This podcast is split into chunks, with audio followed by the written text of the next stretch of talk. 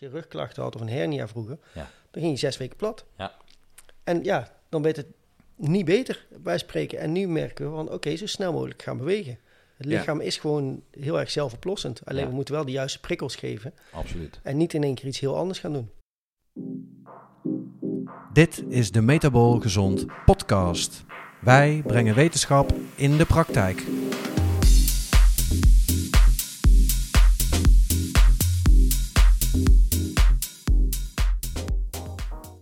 Welkom bij weer een nieuwe aflevering van de Metabol Gezond podcast, waarin wij jouw gezondheid van reactief naar proactief brengen. Volg ons op Facebook onder Metabol Gezond en op Instagram onder Metabole Reset Methode. De podcast kun je terugvinden op Spotify, SoundCloud en de Apple Podcast app, allen onder Metabol Gezond. Daarnaast kun je ons ook terugzien op YouTube, ook onder Metabol Gezond. Welkom, heren.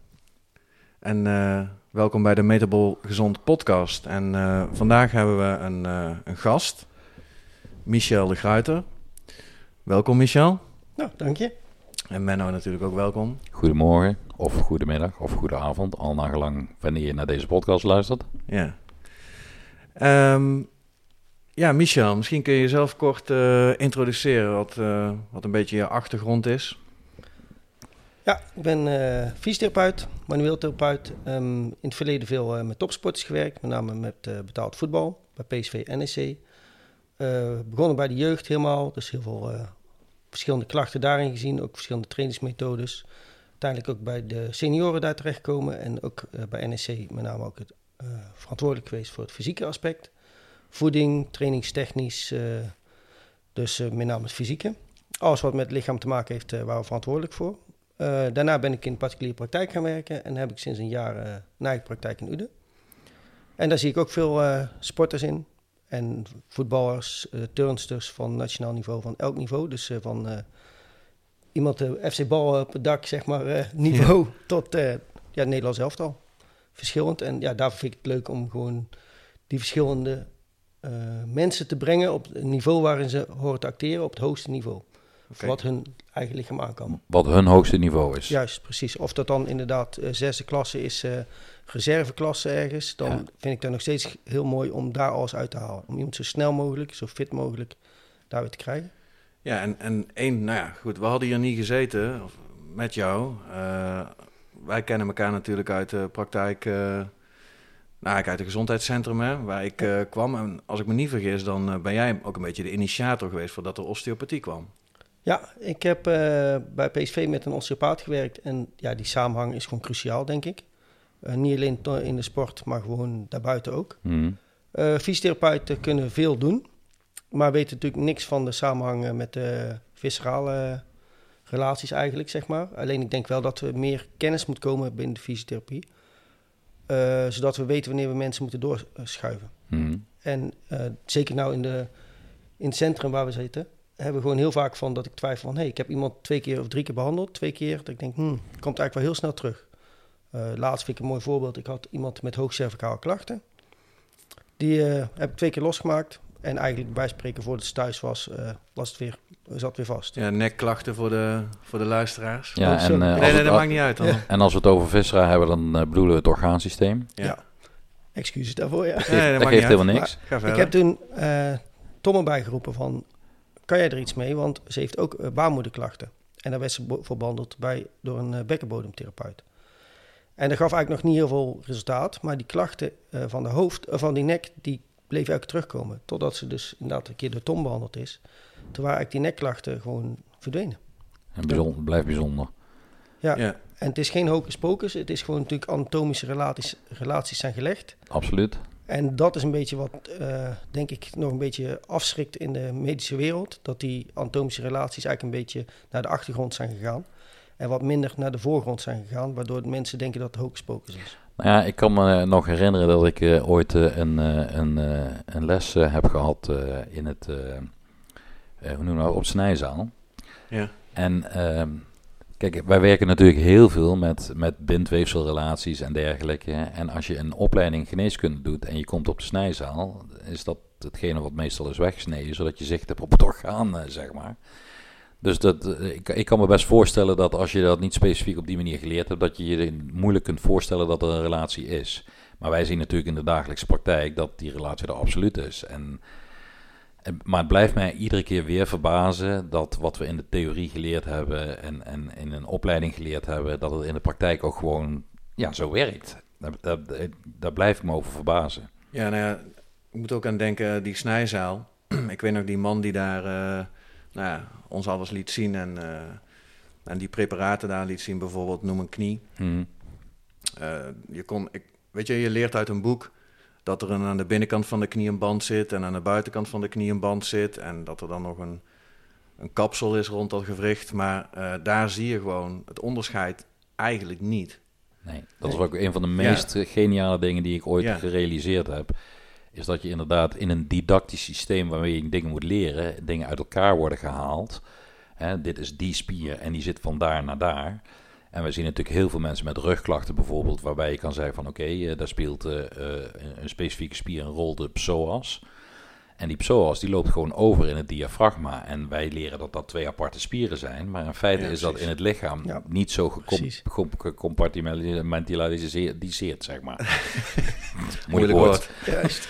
Nee, maar deze man die liet ook letterlijk zien dat als je aan bepaalde eh, weefsels trok, dat deed hij dan ook letterlijk. Dan zei hij van kijk, dan ontstaat er ook spanning daar en daar. Nou is dat natuurlijk geen levend weefsel, dus eh, je mag dat niet één op één doorpakken dat dat in het echt ook zo is. Maar hij liet heel erg die, die keten aan. ja, die Ja. fascieverbindingen, die liet hij al heel erg eh, zien op de snijzaal. Dus daar was bij mij ook wel een dat ik dacht van, ja, we zijn gewoon iets aan het doen waar ook gewoon echt zo werkt. Ja. En dat is wel positief, denk ik, dat de laatste paar jaar, in de fysiotherapie en de osteopathie, steeds meer naar elkaar toe gaan, zeg maar. Dat er meer in ketens gedacht wordt. In plaats van alleen als iemand last heeft van die knie, dat we alleen naar die knie kijken. Kijk, ik ben natuurlijk Dus- eh, ik ben in 1990 eh, begonnen als fysiotherapeut. En eh, ik heb gewoon echt geleerd van, joh, als iemand met knieproblemen komt, dan kijk je eventueel nog naar de enkel en naar de heup. En dan houdt het wel op. De aangrenzende gewrichten, dat was, dat, ja, verder ging je niet. En, en nu is, is gewoon wel heel duidelijk dat als er een enkel vast zit, dat je bijvoorbeeld last van je nek kan hebben. Dat is gewoon duidelijk een anatomische relatie. Ja, ja en eh, als ik me niet eh, vergis ook, jij hebt er wel een beetje geproefd toch, van osteopathie? Ik heb eh, de opleiding eh, we- manipulatie en wekendelen gedaan. bij ik ook gedaan. IAO. Heb ik ook gedaan. Wanneer ja. heb je dat gedaan? Dat is een hele goeie, dat durf ik even niet te zeggen uit mijn hoofd. Maar inderdaad heel interessant geweest. Natuurlijk ook eh, nog voordat ik de manuele therapie opleiding heb gedaan. Mhm. En eh, ja, je leert gewoon echt zoveel relaties daarbij. Alleen al inderdaad als iemand door zijn enkel gaat, wat die hele keten teweeg kan brengen naar bijvoorbeeld weer eh, rugklachten, knieklachten of inderdaad schouderklachten. En als je dat dus vergeet, dan ga je die schouder behandelen, maar dan haal je no never nooit die oplossing. Nou ja, ik, ik, heb dat eh, ik ben in 96 begonnen met de opleiding osteopathie. En ik ben in 95 begonnen met eh wekendelen techniek en manipulaties. Dat was toen in Tiel. Ik weet niet of jij ook in Tiel bent geweest. In Maarsen. Oké, dus daar Nou, ben je later Daar heb ik geweest nog als ik niet. osteopathie gestudeerd in Maarschouw. Maar voor mij was, eh, ik heb eh, dat eerste jaar, want dat was een tweejarige opleiding zeg maar. En, en ik heb het eerste jaar gedaan en er waren zoveel verwijzingen naar de osteopathie, dat dat mij heeft doen besluiten om osteopathie te gaan studeren. Dus ik vind het interessant om van jou te horen waarom dat jij gekozen hebt voor manuele therapie. Dat was mijn... eh, Nou, dat is eigenlijk niet zo ook. heel moeilijk. Ja. Ja, dat was Eh, vier jaar een osteopathie of zes jaar, want daar heb ik heel veel teruggehoord in die tijd. Maar Eh, inderdaad, het was ook korter. Ehm, ik heb toen inderdaad gekozen voor de eh, manuele therapie, omdat zelf, mijn interesse ging eigenlijk eerst uit naar de osteopathie. En toen eh, ben ik in de particuliere praktijk begonnen, eerst als werknemer. En daarin wilden ze eigenlijk eerst eh, gewoon een manueel therapeut eh, hebben. En die hebben dat gefaciliteerd. En toen, eh, in combinatie met een jaar eh, korter, dacht ik van, nou, laat ik thuis doen. Ja. Dus eh, zeker interessant. Maar ik gebruik nog wel een aantal osteopathische technieken, of in ieder geval fascia technieken die, die ik daarop geleerd heb tijdens die opleiding. En de, nou heb ik laatst de opleiding Anatomy Trains gedaan, oh, dat is de cool. start. Dus dat is ook weer richting de fascia. Dus ik vind het wel leuk om die te combineren. Manuele therapie, juist. Manuele therapie in combinatie met de therapie kom je denk ik al een, een heel eind. Ja, ik, ik ben met je eens. Ik probeer altijd vanuit diverse eh, kanten allerlei opleidingen te doen. Zodat je ziet eh, van er is geen één weg naar Rome inderdaad, heel vaak. En dan moet je bij de juiste patiënt de juiste therapie kiezen. Bij een rugklacht kan de McKenzie-therapie zijn, bij wijze van spreken Mhm. al. Als iemand eh, zelfstandig wil gaan trainen. Of in ieder geval om zelfstandig los te maken. Mhm. Nou, perfect. Mm, Ik hoef me niet altijd te manipuleren. Via fascietherapie krijg ik het ook los. Ja. Nou ja, en, en, en dat geeft ook maar weer aan dat iemand met rugklachten eh, niet per se dezelfde problemen heeft als de volgende met eh, dezelfde soort rugklachten. En dat is wat heel vaak, denk ik, vergeten wordt in, in eh, behandelland. Eh, ik heb gisteren of eergisteren iets ge, one size does fits no one. Ja. Dat is mooi. Ja, vond ik ook. Eh, maar dat ging over onderwijs. Maar goed, eh, in principe is hetzelfde toepasbaar eh, in het werk wat wij doen. Eh, er is gewoon niet eh, één therapie die voor iedereen altijd hetzelfde resultaat oplevert. En, en wat je zegt, er zijn meer wegen die naar Rome leiden. En dan maakt het ons werk ook leuk, denk ik. Ja, dat denk ik ook. Het, het continu persoon- zoeken. Ja, Ja. elke persoon is een puzzel eigenlijk. En dan Ja. gaan we onderzoeken van waar zit het probleem. En dat kan intern zitten, maar dat kan ook extern zitten. Maar Absoluut. dan moeten we wel mee of ja, onderzoeken Ja, als je niet weet dat dat een rol speelt, dan kijk je er ook niet naar. Nee, ja, een van de slogans die, wij, die vanuit de KPNI ook komt, is natuurlijk dat het symptoom nooit de oorzaak van het probleem is. Nooit het echte probleem, Ja. inderdaad. Nooit het Ja. echte probleem is. Dat je eigenlijk altijd eh, moet verder kijken naar, ja goed, als iemand eh, eh, een klap tegen zijn voet aan krijgt en hij, hij breekt daar een, een bot, ja, dan zit daar natuurlijk wel het probleem op dat moment. Maar dan nog zou je kunnen afvragen in Waarom? theorie van, ging dat niet te gemakkelijk dat dat daar ontstond? Of was die klap eigenlijk niet zo heel erg heftig en is er toch een letsel ontstaan? Hm, daar kun je toch nog weer vraagtekens bij hebben. Hè? En als het dan lokaal opgelost is, zeg maar, en genezen is, heeft diegene dan eh, zo'n apart, apart bewegingspatroon ontwikkeld, waardoor hij weer andere klachten heeft gekregen, waar- waarvoor die eigenlijk bij jou komt. Dat kan natuurlijk, ja, een letsel in het verleden. In met, het verleden, ja. En dat wordt ook vaak, denk ik, onderschat. Ja. Van ja, ik ben, ja, heb eigenlijk niks gehad. Maar als je dan doorvraagt, dan hebben ze anderhalf jaar geleden toch inderdaad een flink enkel eh, letsel gehad. En dan zie je dat die klachten Ja. bijvoorbeeld van zijn rug langzaam of recidiverend terug. zijn ja, en, en in de voetballerij, waar jij natuurlijk eh, lang hebt rondgelopen en nog steeds wel mensen uitziet, ehm, zie je natuurlijk heel veel niet-contact blessures terug. En dat je denkt van, nou, was dit nou een, een, een beweging of een actie of een handeling die, die zou leiden tot zo'n heftig letsel, tot een kruisband die misschien eh, scheurt of iets dergelijks? Ja, mee eens. Alleen ik vind wel eh, dat in de sport nog iets meer gerichter getraind mag worden.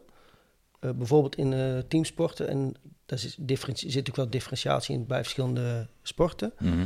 Maar ik vind dat er meer per positie getraind mag worden of per linie. Omdat die ook meer vragen. Een spits doet iets anders dan een middenvelder.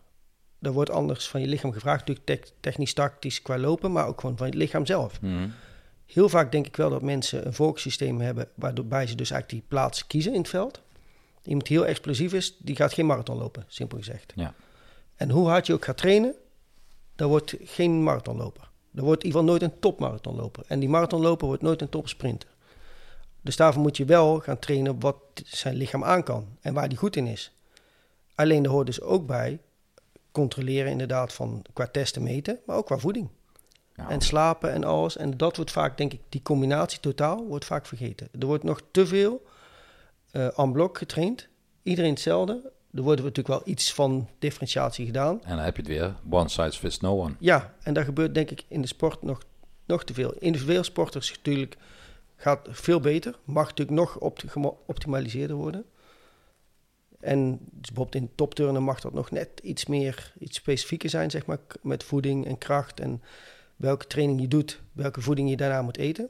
En dat kan bijvoorbeeld in teamsport helemaal niet, vind ik. In, of ge- gebeurt niet, dat moet juist wel. maar- En, en eh, hoe kijk je dan bijvoorbeeld naar het wielrennen? Want in het wielrennen is dat eh, natuurlijk al een stukje verder. Daar, nee, daar is het veel beter eh, geregeld inderdaad.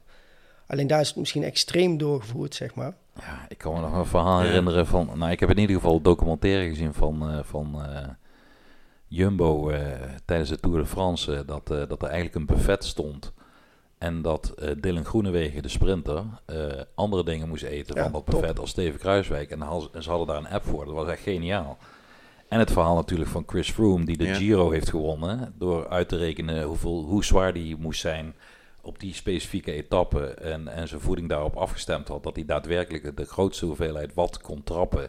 En daarmee eigenlijk de, de Giro gewonnen heeft. eh. En dat geeft al een beetje aan van... eh, heel veel dingen zijn te berekenen. Natuurlijk Ja. niet alles, maar heel veel dingen zijn wel specifiek voor die persoon te optimaliseren. En individueel sporters zien gewoon precies, een, wij spreken Sven Kramer, ziet Ja. precies als hij niet goed getraind heeft of niet goed gegeten of iets anders, dan ziet hij het in zijn tijd terug. Ja. Een teamsporter kan die bal iets meer laten lopen en zegt, weet je wel, vandaag eh 10, 10 metertjes eh, Zeven- minder. 97% is vandaag ook zat. Ja, Ja, dat is wel waar. of ik doe een sliding en dan, oh kijk eens, nou kan ik niet meer mee teruglopen. maar ik, was, ik heb wel alles heel mijn best gedaan, maar nou lig ik, ja. Ja, totdat je misschien... Ali- in- alibi verdedigen. ja, Ja, precies. Totdat je misschien in die laatste eh, minuten van die wedstrijd... eh, een, een belangrijk moment hebt en, en, en een verkeerde beslissing neemt... en het wel het verschil kan maken natuurlijk voor eh, de uiteindelijke prestatie Ja, van het precies. team. Of, als je alibi verdedigd hebt, in die laatste minuten van de wedstrijd toch nog energie over te maken om wel dat doelpunt te maken. En Dat kan ook. Ja, daar zitten altijd twee kanten aan zo'n Ja. verhaal. Dus iemand moet natuurlijk niet fysiek in orde, goed in orde zijn. En wat wij natuurlijk de, onze specialiteit daarin is. Maar ook mentaal. En jij, hebt- jij hebt bijvoorbeeld bij PSV natuurlijk bij... eh, eh, speelde Romario toen bij PSV? Nee, nee. Heb je niet Zo oud meegemaakt? ben ik nog niet. Oh, oké, sorry. Ehm, maar- nee, dat was meer in de tijd van Alex eh, en Gomez. eh. Oké, want... want oh, oké. En inderdaad, eh, die, toen Affelay zeg maar de overstap maakte naar die, van de junioren. Die heb ik natuurlijk in de junioren al meegemaakt naar de senioren. En inderdaad, Memphis Depay inderdaad in de jeugd ook. Maar dat, dat, dat- zijn... Romario was natuurlijk het schoolvoorbeeld Mm. van zo weinig mogelijk doen. Maar die was wel scherp voor de goal. Ja. En, en, en, en, en Kerstman was ook zo'n soort Ja. speler, zeg maar. Maar die weten precies wat ze moeten doen En wanneer? om fit te blijven en wanneer. En Ja. welke keuzes ze moeten maken. Ja. Maar dus, ik weet in ieder geval dat het ook heel belangrijk is. Bijvoorbeeld, hoe zijn je looplijnen? Mhm. En daarin zit natuurlijk wel een transitie van het eh, videoanalytische. Is natuurlijk ook daarin heel belangrijk. Het coachen inderdaad. Dus het wordt allemaal steeds beter. Maar het kan nog in mijn optiek nog iets beter. Nou ja, wat je in de voetballerij natuurlijk eh, heel veel ziet, is eh, van ja, dat is allemaal onzin. Want vroeger deden we dat ook niet. En toen zijn we ook bijna wereldkampioen geworden. En misschien is dat wel de reden dat we bijna wereldkampioen zijn geworden. En niet echt wereldkampioen zijn geworden. Ja, het is ook wel, eh, denk ik, het verschil bijvoorbeeld in het buitenland en Nederland. Ik hoorde van inderdaad een jongen van het Nederlands elftal die eh, zegt van in het buitenland, als we gewoon bij de club, bijvoorbeeld met eten is het van, eh, oké, het eten wordt wel specifiek gemaakt voor jou, zeg maar. Maar wordt nog niet helemaal eh wordt het, positiespecifiek gemaakt of trainingsspecifiek.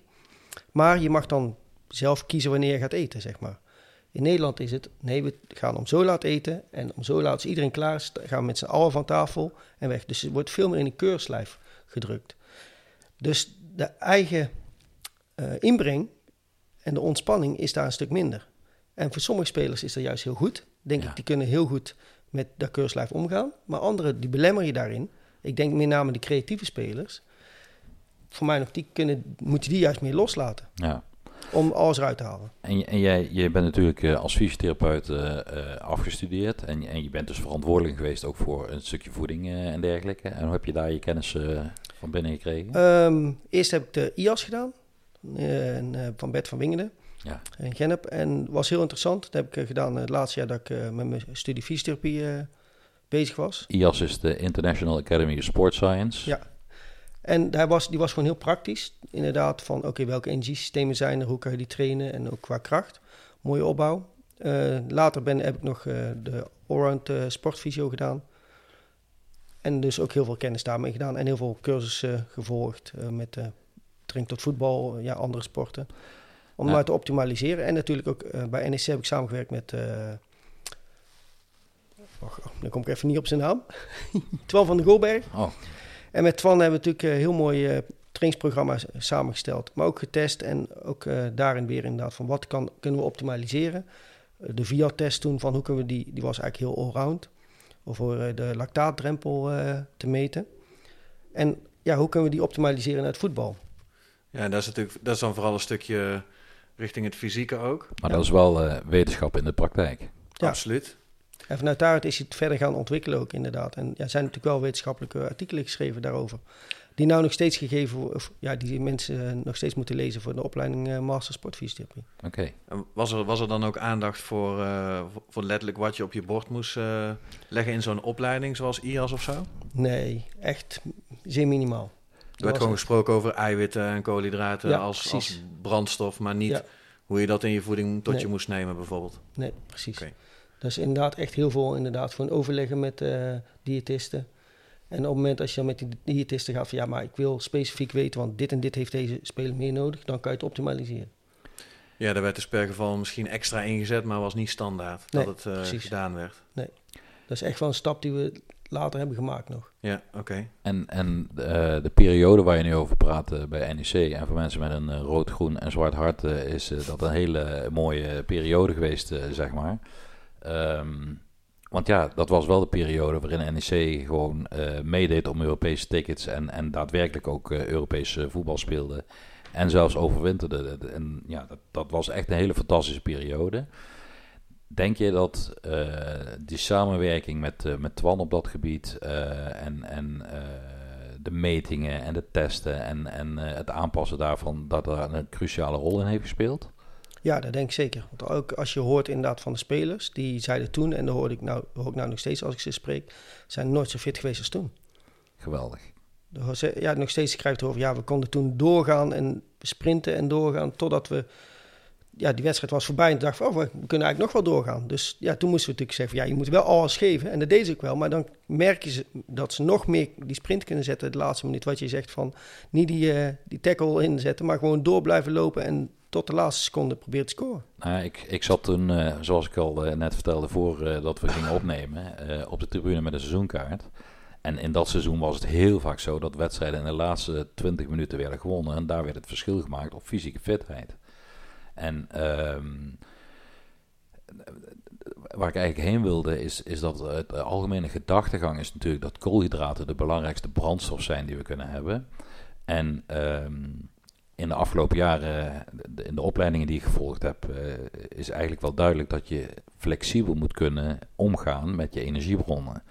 En aan het einde van de wedstrijd, dan is je glycogeenvoorraad erop. Dan heb je geen glucose meer tot je beschikking. Want, eh, dus dan moet je in de vetverbranding. En eh, ik denk dat daar het verschil is gemaakt. Ik wist dat toen niet, maar nu, nu begrijp ik achteraf wel hoe dat dat... en hebben jullie daar specifiek ook... was je daarmee bekend dat, dat die, die systemen op die manier werken? Toen niet. Nee. Nee.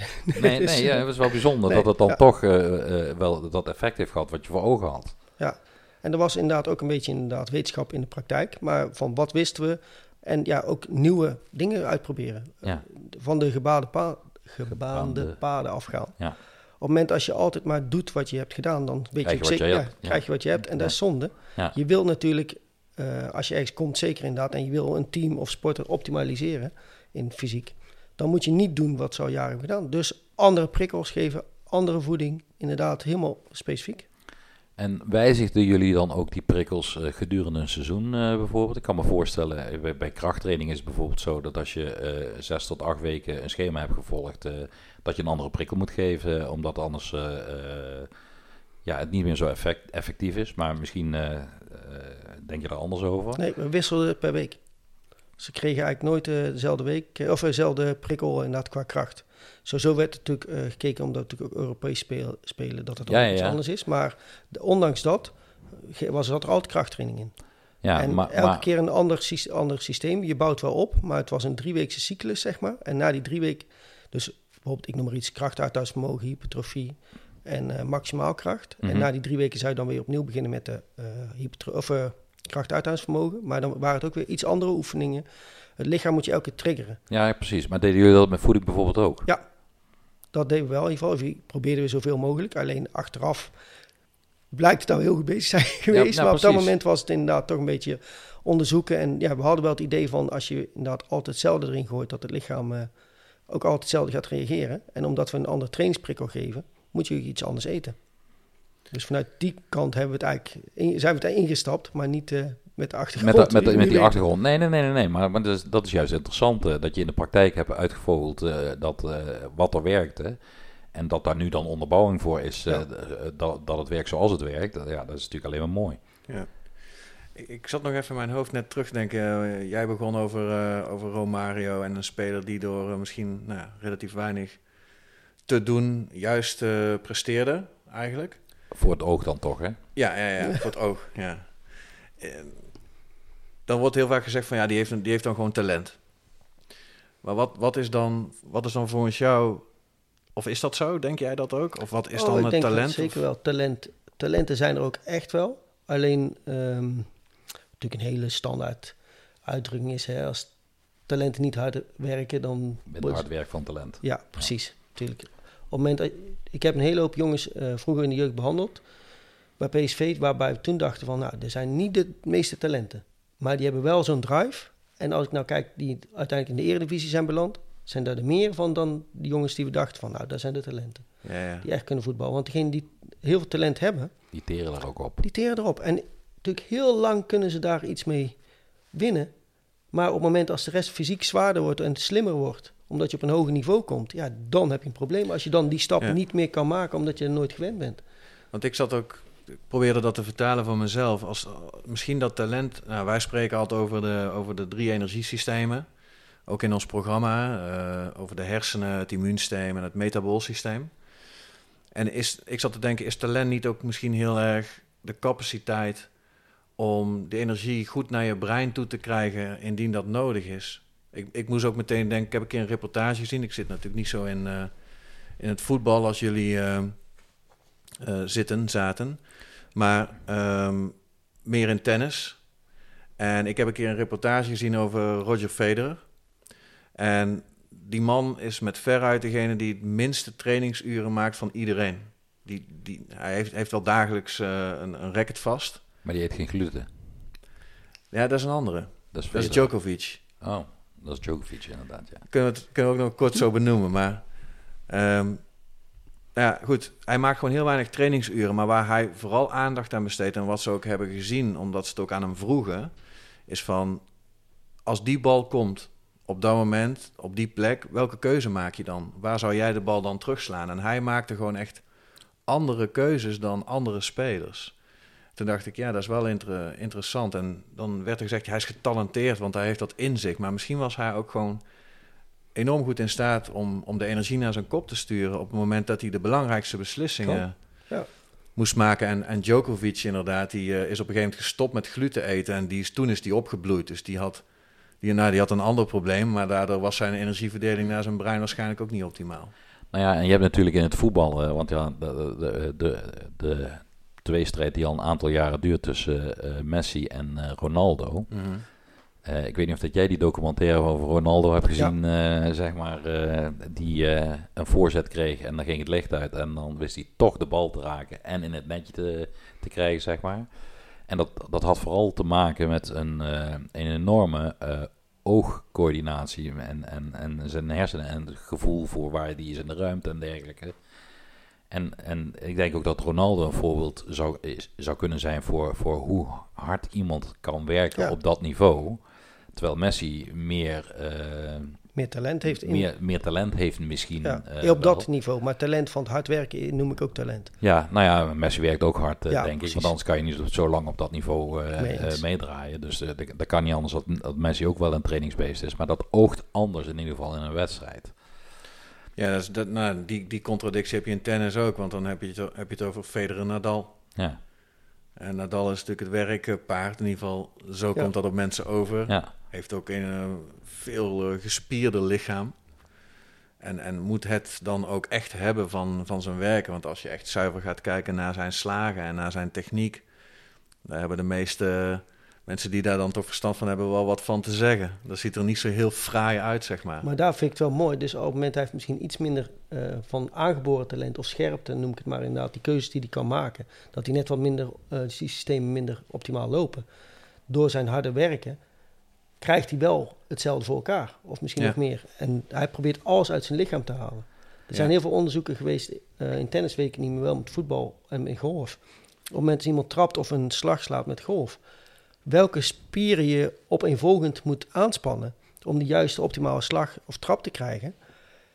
En dat is heel moeilijk te trainen. Maar door heel vaak te repeteren wordt het wel beter.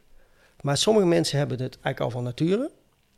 En ja, daar zit weinig verbetering in, bij spreken. Die, hebben, die kunnen gewoon die bal makkelijk al heel ver slaan, eh, zeg maar met golf. Een Tiger Woods, bij wijze van. Maar je kan het wel optimaliseren wat je hebt natuurlijk. Maar. Dus inderdaad door de juiste voeding en trainingsbeest in je, zeg maar. Ja.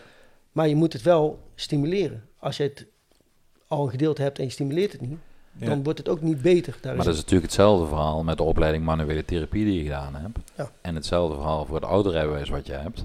We hadden even een technisch mankementje, maar eh, we zijn er weer. Waar waren we? We waren bij... ehm, Dat je nu dingen anders deed als vijf jaar geleden. hè? En, en toen had je ook je diploma al. En, eh, dus dus je leert in de praktijk. En gewoon inderdaad nieuwe visies. Er worden nieuwe visies ontwikkeld of die ontdek je, die zijn er misschien al jaren. Ja. Alleen eh, door met bepaalde mensen in contact te komen, eh, zie, ga je die kant ook zien. En ga je ook behandelen van, oh wacht, misschien moet ik die cursus doen. En dan kan je op anders gaan behandelen. Als ik eh, nooit een osteopaat had ontmoet, dan wist ik ook niet dat die richting behandelstrategie er was, zeg maar. Precies. En dan was ik nou misschien heel anders patiënten aan het behandelen dan dat ik nu doe. Niet noodzakelijk beter of slechter, maar anders. Nee, anders, ja, precies. Dus daarvoor is denk ik in de medische wereld een beetje dat het probleem.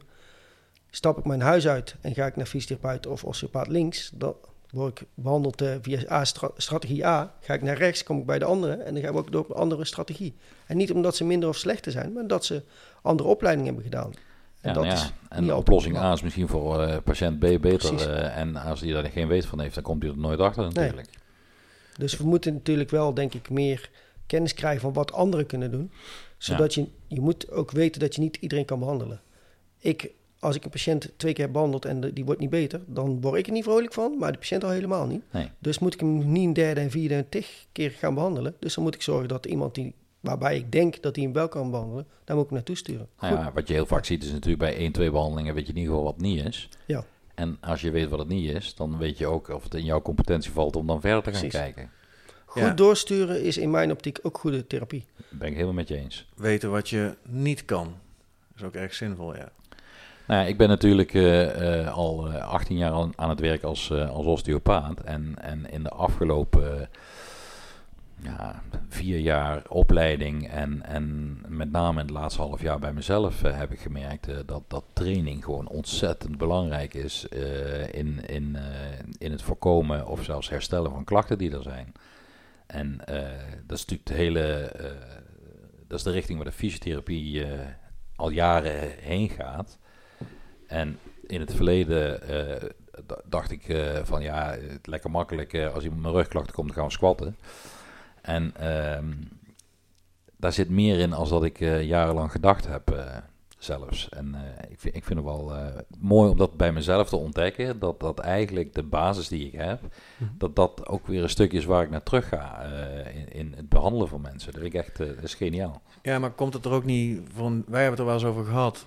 Volgens, volgens ons komt het er ook wel voor een deel op neer. En correct me if I'm wrong, dat jij dat ook vindt. Maar dat de, de verklaring voor waarom de prikkel trainen eh, zinvol is... eh, nu heel anders is voor ons vanwege de opleiding die we hebben gedaan dan, eh, dan toen. Een heel maar mooi... ik, voor- ik denk dat die verklaring inmiddels in de fysiotherapie gemeengoed is en Nou, dat wij er te lang uit zijn. Daar, daar ben ik sowieso wel benieuwd naar. Ja. En een ander goed voorbeeld daarvan, dat hebben we ook wel eens benoemd in een eerdere podcast, is... nou ja, toen heb ik volgens mij gezegd, ik, ik geef natuurlijk les. Daar komen fysiotherapeuten, even voor de luisteraars, dat is op de opleiding osteopathie. Er komen fysiotherapeuten, die zitten daar in de klas en eh, ik vraag dan wel eens voor de, voor de grap van wie masseert er hier nog? En dan zie iedereen zo lachen van eh, masseren, masseren. Dat is, toch, dat is toch niet meer van nu, dat doen we toch niet Dat meer. is zo jaren negentig. Ja. Ja. En, en dan geef ik ze een andere eh, inkijk in waarom massage misschien wel zinvol is, maar misschien weten we iets wat we toen niet wisten. En bedoel, we hebben toen ook ervaren dat het werkte. Patiënten werden beter van massage. Maar misschien niet per se omdat we dachten dat we daar eh, door de druk in de spier iets bewerkstelligden. Maar nu weten we bijvoorbeeld dat, eh, en jij hebt recent ook eh, twee dagen bijscholing gevolgd over het microbioom. Heb je ook iets gehoord over neurotransmitters en over Ja, precies. serotonine en dergelijke? Nou, als je de huid prikkelt op een bepaalde manier, dan wordt dat ook vrijgezet. En dat kan bijvoorbeeld pijndempend werken. Dus misschien is de verklaring wel anders. Hè? En, en nou ja, misschien kun jij voor training ook eh, daar iets meer over eh, zeggen. Ik ben wel benieuwd of jij daar ook eh, Nou, zeker zo in staat. zo'n pijn, of zo'n pijnprik op wijze van de huid, ik noem maar iets, of een gewone massage, kan natuurlijk of leidt tot endorfine aanmaak, wat pijnstilling geeft. Sporten geeft ook endorfine aanmaak. Dus in dat opzicht versterkt het elkaar. Maar sporten eh, zorgt er ook voor dat bepaalde boodschappenstoffen aangemaakt worden. Eh, bijvoorbeeld als je je armspieren eh, traint, dan, dan maken we stoffen aan zoals iricine en interleukine 8. En, en daar maken we dan lactoferine van. En lactoferine is, is antiviraal, antibacterieel, anti... hè? En ehm, een ander voorbeeld is bijvoorbeeld eh, eh, ehm, een ontstekingsstof eh, in het immuunsysteem is interleukine 1, eh interleukine 6, eh, TNF-alpha. En nu blijkt dat als spieren die produceren, dat het juist ontstekingsremmend is. En dat zijn nu wetenschappelijke verklaringen waarom dingen misschien die in het verleden al deed, waarom dat die werken. Ik, ik kan me nog herinneren dat ik in Duitsland in de fysiotherapiepraktijk werkte. En dan kregen wij, ik heb nog echt met paraffinepakkingen en dergelijke gewerkt. En, en wij hadden daar eh infraroodbehandeling. En, en wij dachten dat infrarood werkte, van, eh, want het, dan warmt het op en dan wordt de bloeding beter. Ja, maar warmte geeft ook een, een, een toename van, eh, inderdaad, wat Tom net zei, eh, serotonine en dergelijke. Eh, wat eh, bijvoorbeeld angst eh, bij bewegen eh, kan verminderen en dergelijke. Ja, dat is geniaal eigenlijk hoe, hoe dat het eigenlijk altijd al gewerkt heeft. Alleen dat ons verklaringsmodel misschien in het verleden niet klopte. En dat Ja. is het mooie nou inderdaad, als je gaat terug gaat kijken inderdaad. Vroeger we- hadden we het er straks voor de podcast Ja, opname over. Als je rugklachten had of een hernia vroeger, Ja. dan ging je zes weken plat. Ja. En ja, dan werd het niet beter bij spreken. En nu merken we van oké, zo snel mogelijk gaan bewegen. Inderdaad. En dan mag je best inderdaad of wat warmte inderdaad erop, of inderdaad even een soort massage. Maar daarna die combinatie van bewegen. precies. En, en wij hebben een podcast over hernia eh, gedaan. Ja. En, en eh, bleek dus, eh, het blijkt uit de wetenschap dat dat heel vaak een bacteriële infect is. En als de bacteriële infectie, zeg maar, eh, het immuunsysteem aan de gang houdt, terwijl trainen ervoor zorgt dat het immuunsysteem tot rust komt, zodat het ook daadwerkelijk iets kan herstellen, is natuurlijk geniaal. Ja, dat is fantastisch. Het Ja. lichaam is gewoon heel erg zelfoplossend. Alleen Ja. we moeten wel de juiste prikkels geven. Absoluut. En niet in één keer iets heel anders gaan doen. Ja, jij hebt mij toen ook een onderzoek een keer doorgestuurd over die eh myokines en dergelijke en die, eh, die spieren, weet je wel. Dat ligt natuurlijk ook een Ja. beetje in deze lijn. Dat is vaak de- wat ik bedoel. dus die boodschappenstof. Ja. Ja, ja. precies. Dat een, dat een stof die door een spier wordt aangemaakt het immuunsysteem tot rust brengt, terwijl als dezelfde stof in het immuunsysteem wordt aangemaakt, het juist een ontstekingsreactie geeft. Ja. En ik heb, ik heb in de opleiding fysiotherapie nog eh rijst, eh, rijst, Rijst Rust. gegeten. ijs, eh, compressie en elevatie. Ja. Hè? En eh, Ja. daar wordt nu ook wel iets anders over gedacht. eh. en, en tenminste, eh, binnen de kennis die ik nu heb, ik weet niet hoe dat, eh, hoe dat jij daarover over denkt. Ja, ik denk bijvoorbeeld eh, die rust mag eerst fase even misschien, heel kort. Ja. Om even inderdaad echt het lichaam even het ontstekingsreactie op gang te laten komen. Mhm. En daarna wel gaan bewegen. Dus belasten op geleide van pijn. Met Mhm. name niet er vol doorheen gaan, maar Nee. echt even belasten op geleide van pijn. Die Absoluut. eerste eh, 72 uur. En de ijs mag je voor mij wel gebruiken, maar dat is maar heel kort. Puur even kort om even de huidcellen, zeg maar, eh, de pijn, eh, pijn te stoppen. Ja, Dus wat een beetje gebeurt, wat vroeger de wonderspons was op het veld, zeg maar. Puur Mhm. even koelen, alleen de huid of zo'n spray. Maar daarna niet te lang, want dan rem je de ontstekingsfase. En die ontstekingsfase is juist nuttig in het herstelproces. ja. Dus dan, als we het heel lang gaan doen, dan remmen we het herstelproces. Precies, en, en dat is dus wetenschap die zeg maar eh, zich ontwikkeld heeft en eh, voortschrijdend inzicht. Ja, Dat is gewoon voortschrijdend inzicht. de ijs wat je dan op dit moment mag gebruiken, is puur om even te dempen, zodat mensen kunnen gaan bewegen. Ja, de meeste mensen kunnen wel mee in de logica als, het je, als, je, als je het uitlegt van... ehm, en er wordt juist warmte geproduceerd bij zo'n ontsteking en dan ga je dat eh, koelen. Ja. Nou ja, dan doe je eigenlijk iets wat het lichaam eh, zelf anders bedoeld heeft. Dat is wel grappig, want ik heb ook nog 2,5 jaar als fysiotherapeut in Amerika gewerkt. En ik moest in Amerika, eh, voordat ik eh, zelfstandig mocht werken, moest ik een examen afleggen. En in Amerika was het toen al in de fysiotherapie, in de exa en ik heb dat in het examen ook als antwoord aangegeven, Mhm. dat er bij een ontstekingsreactie warmte gegeven werd. Terwijl ik daar iets heel anders geleerd had. Maar goed, dat is hoe dat ze dat daar deden, weet je wel. En achteraf, nu zeg je dus van ja, zo gek waren die Amerikanen niet. Nee. Ho- hoewel je na gisteravond eh, de nieuwsbeelden misschien eh, daar anders over denkt. eh. Ja, nee, maar inderdaad. ehm, de vraag is misschien of je warmte moet toedienen extra, maar in ieder geval afkoelen is dan een, kun je ook betwijfelen. nou ja, het dat was in ieder geval precies- anders dan wat ik had Ja. geleerd. En, en nu begrijp je misschien waarom dat de gedachtegang daar anders was. Ja, Ja, het lichaam produceert niet voor niks die zwelling of die warmte. Precies. Er zit een reden achter. En als wij dan heel eigenwijs tegenin gaan, ja, dan denk ik dat we op een lange traject gooien. Nou ja, er zit, er, er zit natuurlijk in het lichaam, in dat ontstekingsproces, zitten bepaalde stappen, zeg maar. En ehm, een van die stappen is bijvoorbeeld ehm, dat door het kapotgaan van celwanden er vetzuren vrijkomen, zoals EPA en DHA. Ja. En ehm, die, dat is het begin van het einde van de ontstekingsreactie. Wat vind je dan van mensen die eh, pijnklachten hebben als gevolg van letsel en die ibuprofen nemen?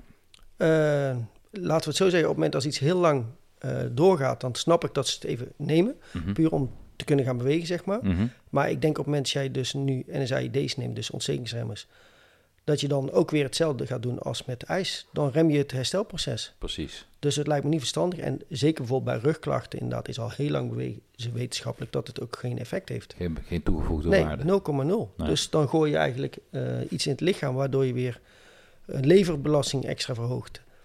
Dus dat je het lichaam weer zwaarder gaat belasten, waardoor ze nog minder goed kunnen herstellen. Dus ik denk dat je eerder aan het eh, remmen bent, als dat je het aan het herstellen bent. En volgens mij klopt het dat dat onderzoek ook zegt dat een beweeginterventie juist een meerwaarde heeft, Juist, toch? Precies. En is dat een onderzoek waarin ook eh, gezegd wordt eh, dat eh, het manipuleren eh, voordelen heeft ten opzichte van niets doen? Ehm, ja, op korte termijn. Op lange termijn maakt het eigenlijk niks uit. Alleen op korte termijn geeft een manipulatie ook een effect op het auto-immuunsysteem. En dus een pijnstilling. Waardoor mensen weer makkelijk kunnen bewegen. Oké. Maar dus relatief op korte termijn, de eerste drie weken heeft het her- meer herstel. En langer, tussen zes en tien weken is het, eh, komt het op hetzelfde neer. Dus daarvoor is een mobilisatie of een manipulatie maakt niet zo heel veel uit. Op lange termijn. En dat is natuurlijk de reden dat wanneer je naar de huisarts gaat, de huisarts zegt van als het over zes weken nog niet weg is, kom nog maar eens terug. Juist. Precies. Ja, Natuurlijk beloop.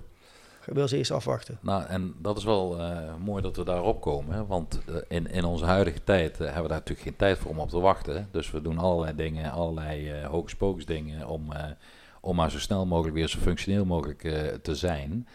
Maar op de lange duur breng je misschien juist meer schade toe als, als dat je daarvan herstelt. Ja.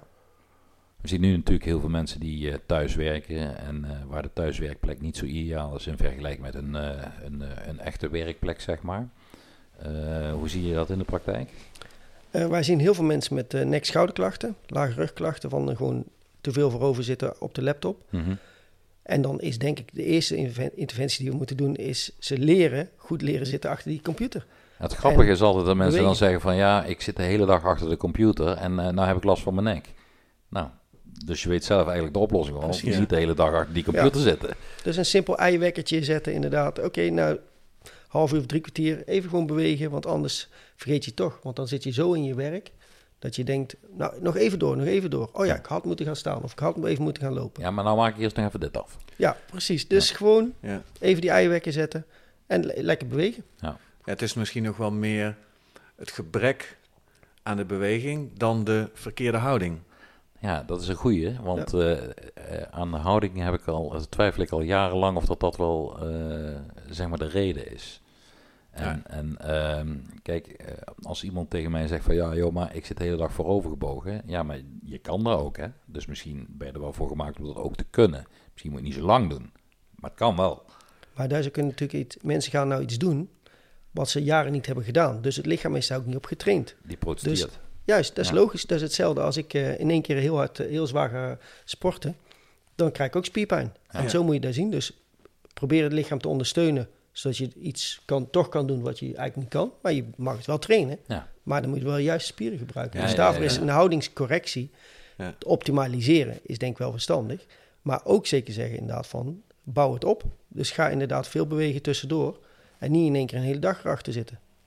Nou ja, je zou ook kunnen zeggen, ga eens een hele dag rechtop zitten dan. Ja, Misschien krijg je dan ook wel last. Ik denk dat je zeker last krijgt, want we zijn bedoeld om, gemaakt om te bewegen en niet om in een Ja. statische houding te blijven. Ja, en dat, dat spreekt dan wel natuurlijk wel een beetje tegen. Eh, er, er bestaan natuurlijk, en dat is, dat is zonder, eh, zonder daar onerbiedig over te zijn, maar er zijn natuurlijk houdingstherapeuten.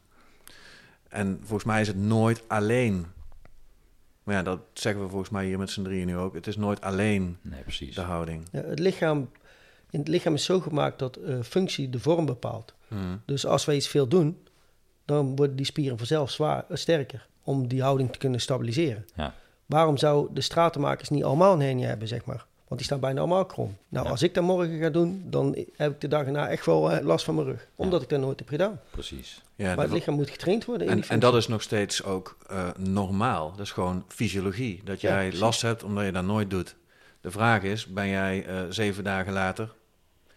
eh, om bijvoorbeeld een ontstekingsreactie, stel die lok je uit... Is die, is die dan ook weg? Blijf je er last van houden, wordt het natuurlijk een ander... Nou ja, en ook grappig Verhaal. is dan van stel je Ja. nou voor dat je vandaag moet straten maken en je staat morgen vroeg op en je denkt van oh, mijn rug, eh, ik gooi er een nieuwe profen in en ik ga weer straten maken. Is dat een handige beslissing? Ja, ik denk van niet. Nee, ik denk ook van niet, maar ik denk wel dat dat in de praktijk heel veel gebeurt bij mensen. Ja, dat denk ik zeker. Maar ook gewoon een beetje onwetendheid. Ik Ja, kan me klopt. voorstellen als je denkt, ja, ik heb last, ik gooi er maar iets in, dan kan ik door. Want de, de pijn is even weg. Ja. Maar ja, hoe is het op lange termijn? Ja, de, de, de oermens liep ook eh, uren en soms misschien wel een halve dag achter elkaar... of deed bepaalde belastingen, maar deed dat niet elke dag. Nee, Ze waren gemiddeld veel meer in beweging dan dat wij eh, vijf, nu zijn. per dag. Vijf, zes uur per dag. Maar dat kon wel zijn dat het de ene dag, nou ja, I don't know. eh, Negen uur was en de andere dag twee. Ja. En dat zie je nou ja, nu niet terug, want wij doen natuurlijk elke dag Altijd hetzelfde. dezelfde belasting. En, en dat cumuleert misschien natuurlijk ook. Wij zijn als mens niet gemaakt, denk ik inderdaad, om elke dag hetzelfde te doen. Wij zijn natuurlijk gewoon ook nog dieren. Nou, er is geen één dier die elk jaar hetzelfde, of elke dag hetzelfde doet. De ene, is iets, gewoon- de ene is iets meer beest dan de ander. Maar Ja, maar ik denk wel dat wij onszelf ook nog gewoon als dieren moeten zien in de wereld. Alleen wij denken dat we iets meer zijn, maar omdat we iets meer Omdat, hersenen we, omdat hebben. we denken. ja, we hebben de grootste precies. kop gekregen met, de, met de meeste hersencapaciteit. Ja, maar we, moeten, we gedragen ons heel anders, waardoor we ook e- meer klachten krijgen. Nou ja, een van de dingen die daar misschien een rol in speelt, is dat wij vanwege onze gedachtekracht en onze denkvermogens eh, denken dat we de natuur aan ons aan kunnen aanpassen. In plaats van dat wij met de natuur eh, ja, moeten leven. In plaats van eh, wat we nu heel vaak proberen, het is koud, ik zet de verwarming hoger. Je kan ook gaan bewegen, je krijgt ook warm. Ja, en, en dat is natuurlijk in deze, in deze periode he- helemaal van toepassing met, eh, met het virus wat, eh, wat heerst. Want er is natuurlijk een enorme strijd aan de gang tussen eh, de natuur en, eh, en, en ons. Deze periode is januari 2021. Ja, Misschien luistert iemand over zes jaar pas deze podcast. Ja dat zou kunnen. In, weet je nog, in die tijd? Ja, En, en daar hoorde ik, eh, was, wel, was wel interessant, daar hoorde ik eh, gisteren iets over van... eh, zodra je besluit om bijvoorbeeld eh, nou ja, te gaan vaccineren en mensen in te gaan enten voor een virus... ga je eigenlijk de strijd met de natuur aan. Ja, ik denk het wel. En er zijn eigenlijk er zijn twee opties. Eh, wij winnen, het vaccin wint, of de natuur eh, wint. En als de natuur wint, dan gaan we bij dit vaccineren zien dat het aantal besmettingen toch blijft oplopen, ondanks het feit dat er gevaccineerd is. Ja, en dan Dus ik ben je, benieuwd wat er gaat gebeuren de komende weken. ja, en aangezien het vaccin in de tot nu toe eh, gedane studies eh, zo'n eh 90 tot 95 procent werkzaam is, is de kans iets kleiner dat het vaccin misschien gaat winnen, maar het kan toch. Het kan. En, en nou ja, in het verleden en is in ieder geval bewezen dat bijvoorbeeld, eh, eh, bijvoorbeeld polio eh, heeft, heeft verloren. Want daar hebben we een vaccin tegen waar Ja. gewoon... Heel goed werkt. En, Ja. en griep heeft gewonnen.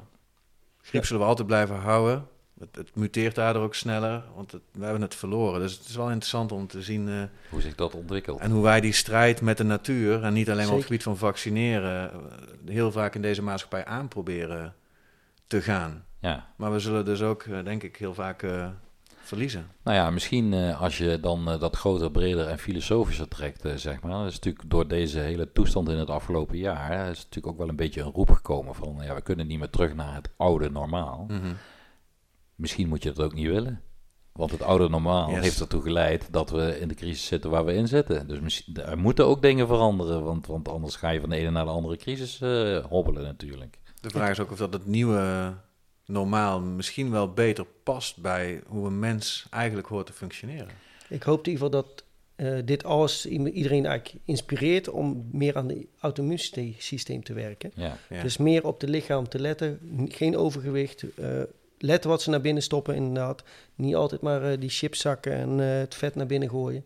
Waardoor we eigenlijk nog wat meer gevoelig zijn voor eh, virussen en bacteriële infecties. Nou, dat is absoluut waar. Ja. En dan kom je in de discussie van, ja, maar wat is dan, eh, wat is dan eh, gezond en, en ehm, Ja, dan kom je in de, in de, in de calorieën tellen. En, en ja, een calorie is natuurlijk een, een eenheid van warmte. Dus, dus uh, hè, hoe, hoeveel calorieën heeft een banaan? Ja, eigenlijk is dat niet zo interessant. Het is veel interessanter wat die banaan doet met je hormoonhuishouding en, en, en dergelijke. En daarom zie je ook dat de meeste diëten gewoon op de lange termijn... ik zeg altijd, alle diëten werken. Is ook, is ook bewezen. Vorig jaar een groot onderzoek over geweest. Precies, dus alle diëten werken. Alleen wat gebeurt er in de lange termijn? En uh, je kunt alles doen om uh, nu 10 kilo af te vallen. Maar je, maar je, moet, je moet natuurlijk je leefstijl veranderen.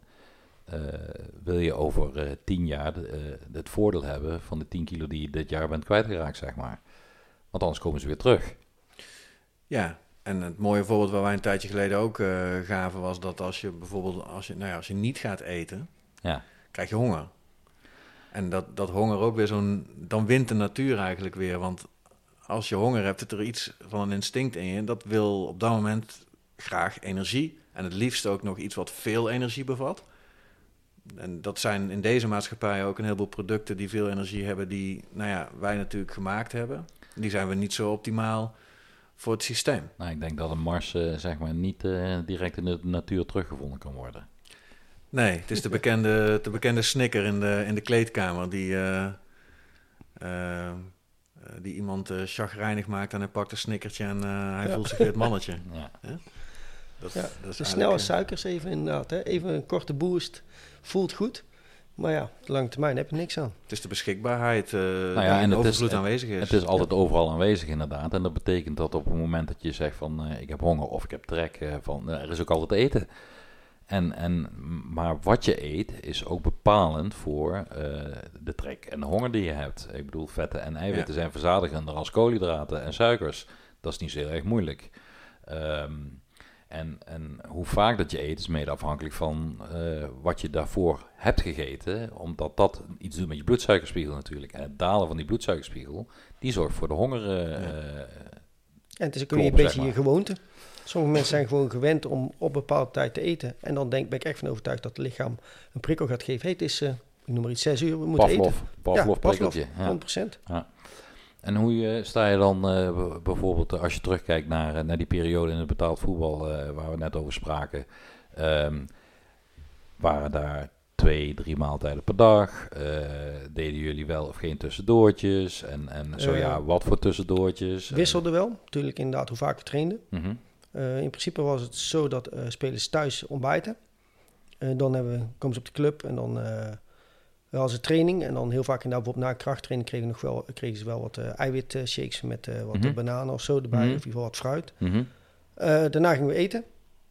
En er was dan in ieder geval, probeerden we in ieder geval zoveel mogelijk op de training aan te passen. Was nog niet optimaal, maar ja. Dus ja, ja maar goed. Het was het idee, dat is ondertussen wel meer, veel beter ontwikkeld. ja, praat over 15 jaar geleden, hè? Ja, precies. Ja. ja iets minder, maar... ja, 10, 15 jaar geleden. Dus... Maar in ieder geval, het is wel verbeterd. Alleen ik heb natuurlijk inderdaad contacten inderdaad ook bij Barcelona en zo. En PSV weet ik dat wel verbeterd is, nog niet geoptimaliseerd. Dus er moet echt nog wel stappen gemaakt worden. Uh, maar als ze dan, uh, daarna gingen ze naar huis of was het tweede training. En uh, dan kregen ze na, dus na het eten die tweede training. En daarna gingen ze of naar huis, maar dan was er eigenlijk ook altijd wel iets van fruit of dergelijke aanwezig om te eten. Maar we hadden ook vooral de, langs de lijn van die repen die koolhydraatrepen of van die hele snelle die jelletjes. Die jelletjes. Ja. En dat was echt inderdaad even een oppepper. En sommige spelers uh, pakten die allemaal. Maar het was altijd wel, uh, natuurlijk, ligt een beetje aan hoe laat we ook speelden. Sommige, als we wat later speelden, vonden, uh, hadden we inderdaad van die cafeïnepillen. Daar heb je nou van die cafeïne kauwgom voor. Mm -hmm. Om mensen net wat scherper te ja. maken. Dus het wordt wel iets meer gespecificeerd per speler. Van wat kan die speler optimaliseren? Eerst je voeding op, optimaal maken en daarna kan je eventueel supplement. Ik weet nog dat uh, de trainer destijds s'avonds ging trainen, omdat uh, de eerstvolgende wedstrijd een avondwedstrijd was. Hm. Ja. En ik had dat daarvoor nooit gehoord, zeg maar. Maar dat is natuurlijk het veranderen van je bioritme om te optimaliseren de, de prestatie die je moet leveren in een, in een zo goed mogelijke uh, tijd van een etmaal te doen. Ja, de context op dat moment, misschien is het al uh, schemerend. Dat traint misschien ook weer zintuigen om beter te werken op dat moment. Ja. Kijk, het is natuurlijk een, altijd een discussie van... oké, okay, als jij altijd gewoon even simpel... Om tien uur s morgens traint. Ja, precies. Ja. dan is jouw lichaam daarop ge- ge- ja, afgestemd. Dan is hij het beste Ja. getraind op dat moment. Ja. Maar als jij een wedstrijd dan om 9 uur hebt, heb je misschien toch wel hormonaal een probleem. Zijn Ja. mensen net niet scherp genoeg, net niet fit genoeg? En dat kan blessures geven. Juist, precies. Ze zijn net wat minder eh, scherp inderdaad. Die energiesystemen staan niet helemaal eh 100%. Alleen dan is het natuurlijk de vraag, moet je bij spreken... Stel dat je één keer in de week een avondwedstrijd hebt en die andere zijn smiddags. Dat is ook inderdaad even van, hoe laat ga je trainen? Want ga je die, voor die ene wedstrijd, ga je alleen die dag ervoor al je hormonaal systeem op de schop gooien? En ben je dan de dag erna op, geoptimaliseerd? Of ben je dan juist helemaal door de war? Ja. Dus dat is de vraag van, Nou ja, tennisspelers die gaan eh, een week eh, van tevoren naar Australië hè, om, eh, om in Australië de Australian Open in januari te spelen, zeg maar. Want Ja. dat is natuurlijk bekend hoeveel uren eh, of hoeveel dagen het duurt voor het aantal uren dat je in je Ja. tijd voor of achteruit loopt, eh, zeg maar. Ik heb altijd begrepen per uur tijdsverschil een dag. Ja. ja, precies. Alleen daar is de vraag. Om Dus je jij- bioritme goed te schakelen. Als jij dus zeg maar normaal traint om 10 uur en je speelt één dag in de, op woensdag speel je om 9 uur, moet je op dinsdag dan al om 9 uur gaan trainen. Of brengt het daardoor al zoveel in de war dat je juist op de woensdag minder scherp bent? Ja. Ja. Dat is even. Ik, is een interessante vraag. ik durf niet te zeggen. Leuk Nou ja, onderzoek, ik denk ik. denk, eh, ik denk dat, je, dat daar eh, ongetwijfeld eh, meetbare dingen zijn, zoals bijvoorbeeld je cortisolcurve. Cortisol, ja. Dat denk ik zeker. Maar daar wordt natuurlijk heel weinig mee gedaan nog. Er gebeurt nog weinig inderdaad op zo'n moment. Want ja, wie wil niet die spelers net voor een wedstrijd bloed laten prikken bij wijze van spreken? Noem maar iets. Of anders Ja, maar cortisol onderzoek. kan ook uit speeksel. Ja. Maar, maar goed, eh, maar dat zou bijvoorbeeld wel een... een, een eh, iedereen heeft natuurlijk een, Een ander, optimale. ja. en en, en eh, je hebt met een elftal te maken. Je hebt eigenlijk met meer eh, als een elftal te maken. Want je hebt ook met wisselspelers te maken natuurlijk. En eh, het zou eigenlijk wel interessant zijn om eens te onderzoeken van... joh, wat, wat, want het is al wel bekend dat je s'morgens tussen 9 en 11 uur... eigenlijk fysiek de beste prestaties kunt Ja. leveren... vanwege die cortisolcurve die dan eigenlijk op zijn hoogst is, zeg maar. Kijk, het is heel mooi. De zwemmers hebben dat toen gedaan bij de laatste Olympische Spelen. Mhm. Die hebben zo'n, die zijn, volgens mij moesten ze om vier uur s'nachts Nederlandse tijd dan daar gaan presteren. Maar die zijn gewoon maanden daarvoor al Ja. Om die uur. tijd gaan trainen. Ja. en de wedstrijden was om vier uur en dan hadden ze een bril waar lichtjes in zaten. Om al echt wakker te worden, zeg maar. Dat is toch cool? Ja, dat is Fantastisch, die ontwikkelingen vind ik heel mooi. Ja, dat En is echt... Daar zijn natuurlijk die zwemmers natuurlijk weer precies op tijd. Individuele sporters Ja. zijn ze weer wat verder in. Mhm. Maar hoe zit je met een elftal? Dat is denk ik echt wel anders. Dat denk ik Dat is ook. moeilijker te monitoren, maar wel interessant. Ja, ik weet van, eh, volgens mij komt dat ook uit de KPNI sportdagen, die wij eh, samen een keer gevolgd hebben. Mhm. Eh, dat eh, Zuid-Amerikanen en in ieder geval ook Brazilianen een, een, een later bioritme hebben. Dus hun dag start later dan die van ons. Althans, dat zit in hun genen zo. In En- klokgenen. In hun klokgenen, ja precies. En dat eh, ook statistisch ziet als je al die analyses, als iemand heeft dat gedaan van al de wedstrijden die zij gespeeld hebben, dat als zij voor drie uur 's middags voetballen, dan ze eigenlijk altijd aan het kortste eind trekken. En als ze na drie uur 's middags spelen, dat ze over het algemeen winnen. Dat was in ieder geval een significant groot verschil tussen. Dus ja, Logisch. Nou ja, en dat zijn dan de genen. ja, Maar door een bril te gebruiken met lichtjes, waardoor je het eerder dag laat manipuleren. worden. Nou, dan kun je. kun je, nou, dan, maar dat zijn dan epigenetische factoren uit de omgeving die de, hoeveel, hoe die genen tot uitdrukking komen beïnvloeden. Want zonlicht is natuurlijk een van de belangrijkste factoren om, eh, om, je, om je, ja, je bioritme te, te, ja, te eiken, zeg maar. En eh, als je dus de zon eerder laat opkomen, wat dus die, wat dus die, Juist, eh, ja. die zwemmers deden, eh, oh, je kunt ook de zon eerder onder laten gaan ja. door een blauwlichtfilterbril te dragen. Ja, of als je weet dat je tegen Brazilië speelt en je speelt thuis, dan moet je de wedstrijd gewoon om één uur inplannen. Nou, daar zijn we al inderdaad. Ja, dat Nederlandse tijd of. Braziliaanse tijd. ja, er wordt toch nog een rekensommetje, denk ik. Ja, dat denk ik ook, ja. Maar, Ja. maar je bioritme is dus inderdaad te vervroegen en te Ja. verlaten eh, door eh, zulke kunstmaatregelen te nemen. Ik heb een, eh, een filmpje waar eh, in, uit de Premier League, eh, ik ben even, volgens mij was het Bournemouth, eh, zeg maar. Die hebben gewoon een slaapexpert eh, die, eh, die daarmee bezig is geweest. En die, en die spelers moest, mochten ook s'avonds na een bepaalde tijd niet meer op een telefoon en, en, en dergelijke.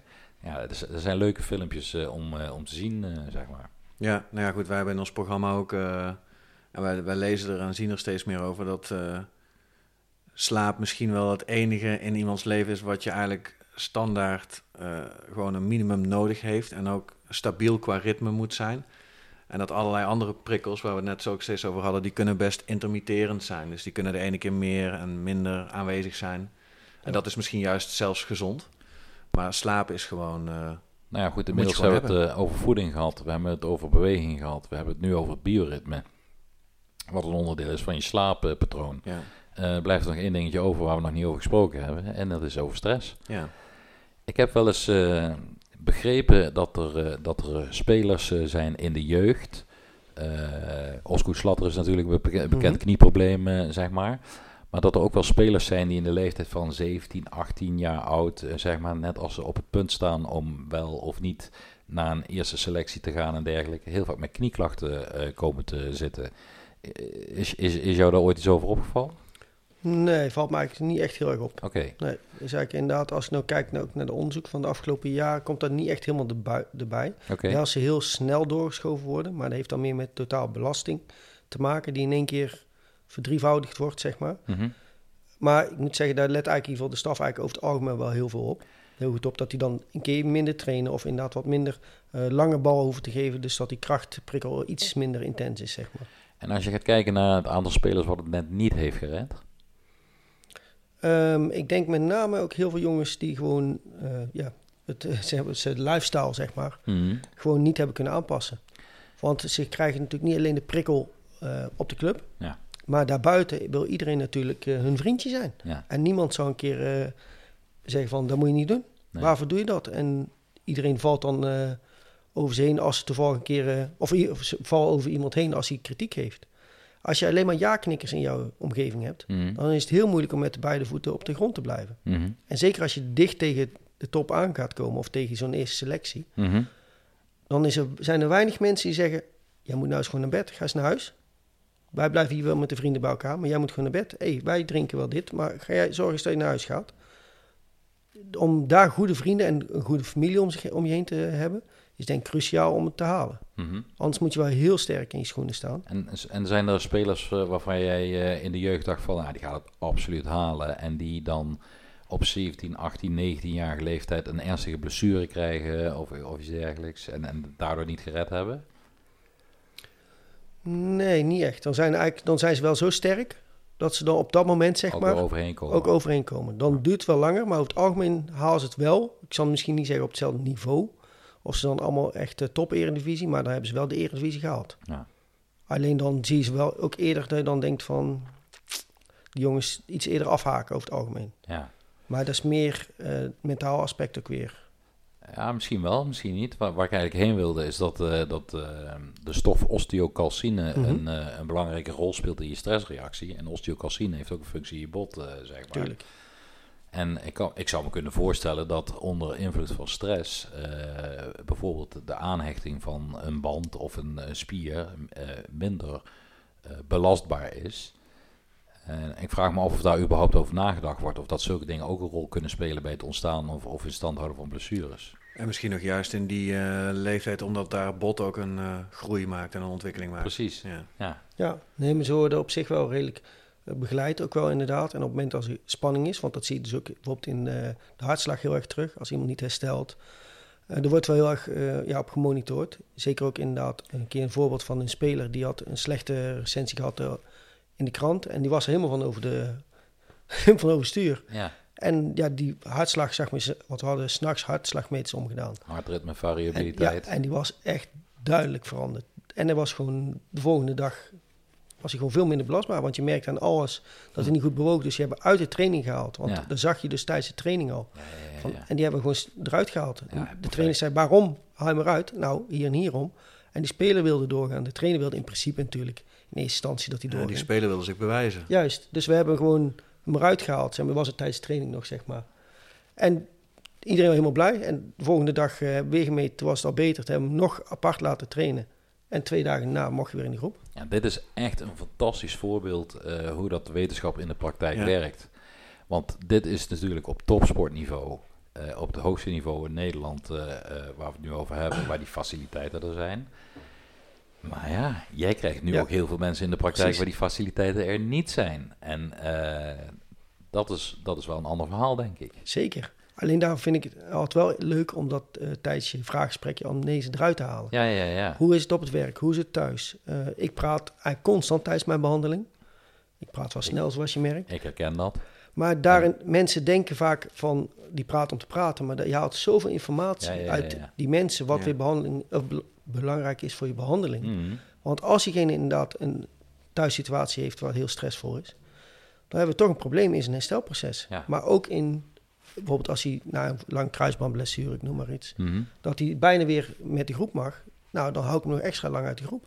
Of als ik merk iemand die geblesseerd is of dreigt geblesseerd te zijn, die op het sportinloopspreken komt, dat we die dan toch even zeggen van nou, je mag nog deze week niet sporten in de groep. Dit en dit mag, terwijl natuurlijk dat lichaam misschien wel eh, voor zijn gevoel belastbaar genoeg is, is dat voor mijn idee nog niet. Mijn idee is dan dat dus het stressmoment, zeg maar, eigenlijk Mhm. nog te hoog is. Mhm. Dus mag diegene nog niet herstellen, of eh, nog niet in de groep. Nou ja, wat je had, jij zei net, Tom, eh, dat, eh, dat eh, de kwaliteit en, en de functie van slaap heel erg onderschat wordt. En ik denk dat dit ook heel erg onderschat wordt. Mhm. En ik denk dat dit niet alleen onderschat wordt in de sport, maar ik denk dat het vooral heel erg onderschat wordt in de maatschappij. Zeker. En eh, dat is natuurlijk de reden dat we eh, het programma hebben gemaakt zoals we het hebben gemaakt, de Metabole Reset methode. Ehm, om, om, om mensen meer kennis te geven over eh, hoe het werkt in het lichaam en waarom dat het werkt zoals het werkt. En eh, ik denk echt dat, eh, dat daar enorm veel winst te halen is eh, voor, voor iedereen. eh, omdat je je beter kunt aanpassen als je weet hoe het werkt. Ja, simpel is het inderdaad. Het is, het is niet voor niks dat mensen inderdaad vaak managers of die eh, vakantie hebben, dan ziek worden de eerste week. Het heeft puur hiermee Ja, te ja, maken. ja. Je lichaam blijft constant die adrenaline en die cortisol Ja. aanmaken. En wanneer stopt het? In de vakantie. En dan worden ze ziek, want het lichaam staat dan pas toe om te herstellen. Ja. En daar moeten we met z'n allen meer rekening mee houden, denk ik. Nou ja, er, er wordt ook gezegd bijvoorbeeld dat virussen eh, een, een rol spelen in de ontgifting van je lichaam, zeg maar. En eh, dat als je dus niet goed kunt ontgiften, ja, dan word je dus ziek van een virus. Ja. Ik weet niet in hoeverre dat dat waar Zou- is, maar dat heb ik gelezen. Het ergens. zou misschien eh, waar kunnen zijn. Ja, Ja, ik sprak gisteren iemand eh, op, op WhatsApp en die zei... ja, zegt hij, ehm, ik, ik- waarom zou ik acht of negen uur gaan slapen... als ik ook gewoon eh 20 uur eh, kan werken, kan ik meer geld verdienen? Toen dacht ik ook, ja, dat Nou is ja. toch waar? dat is waar. Maar goed, korte termijn heeft hij daar natuurlijk... eh, Ja, de vraag is hoe lang dat hij dan nog kan werken. En, ja, eh, ja. Scherp is op zijn werk. Ja. Dat hij nog echt top kan presteren. Nou ja, we weten allebei, Tom, dat als je meer dan 20 uur eh, niet geslapen hebt, dat, dat de slaapdruk zo hoog wordt dat je hersenen minder goed gaan functioneren. ja. En dat, dat komt door de productie van de stof adenosine. En ehm, dan kunnen we koffie drinken. ja, En als we koffie drinken, dan, eh, dan voelen we de adenosine niet. Dus eh, ja. Dus daar, moet is ook, gewoon, daar hebben we ook een eh, oplossing voor. Gewoon potjes Ja. blijven zetten. Ja, dan, lekker eh, sterk. Ja, precies. Nou mannen, ik zit hier op de, op de klok te kijken. En we zijn al een- over een uur, denk ik, of niet? We zijn goed over het uur heen, dus eh, ik eh, denk dat we hem wel kunnen afronden. Is goed? ik denk het ook.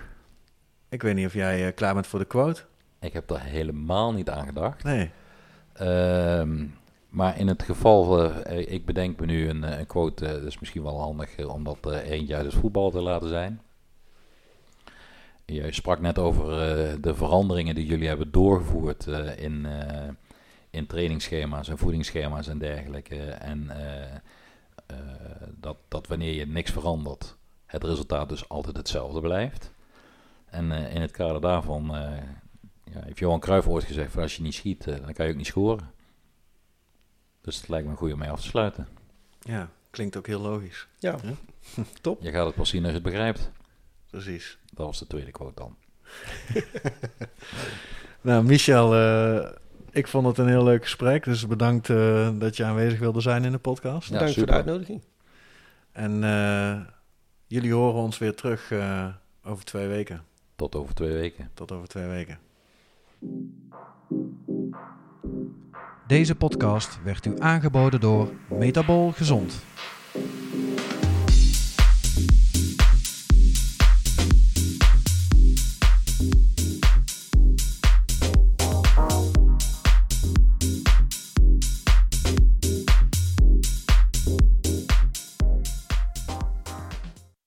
De informatie in deze podcast is niet bedoeld als vervanging van diensten of informatie van getrainde medische professionals en of zorgverlenende instanties, zoals huisartsen, medisch specialisten, spoedeisende hulpverlening en acute geestelijke gezondheidszorg. De informatie in deze podcast, noch de gebruiksmogelijkheden kunnen gezien worden als een vervanging voor medische of andere professionele hulp, zorg of ondersteuning.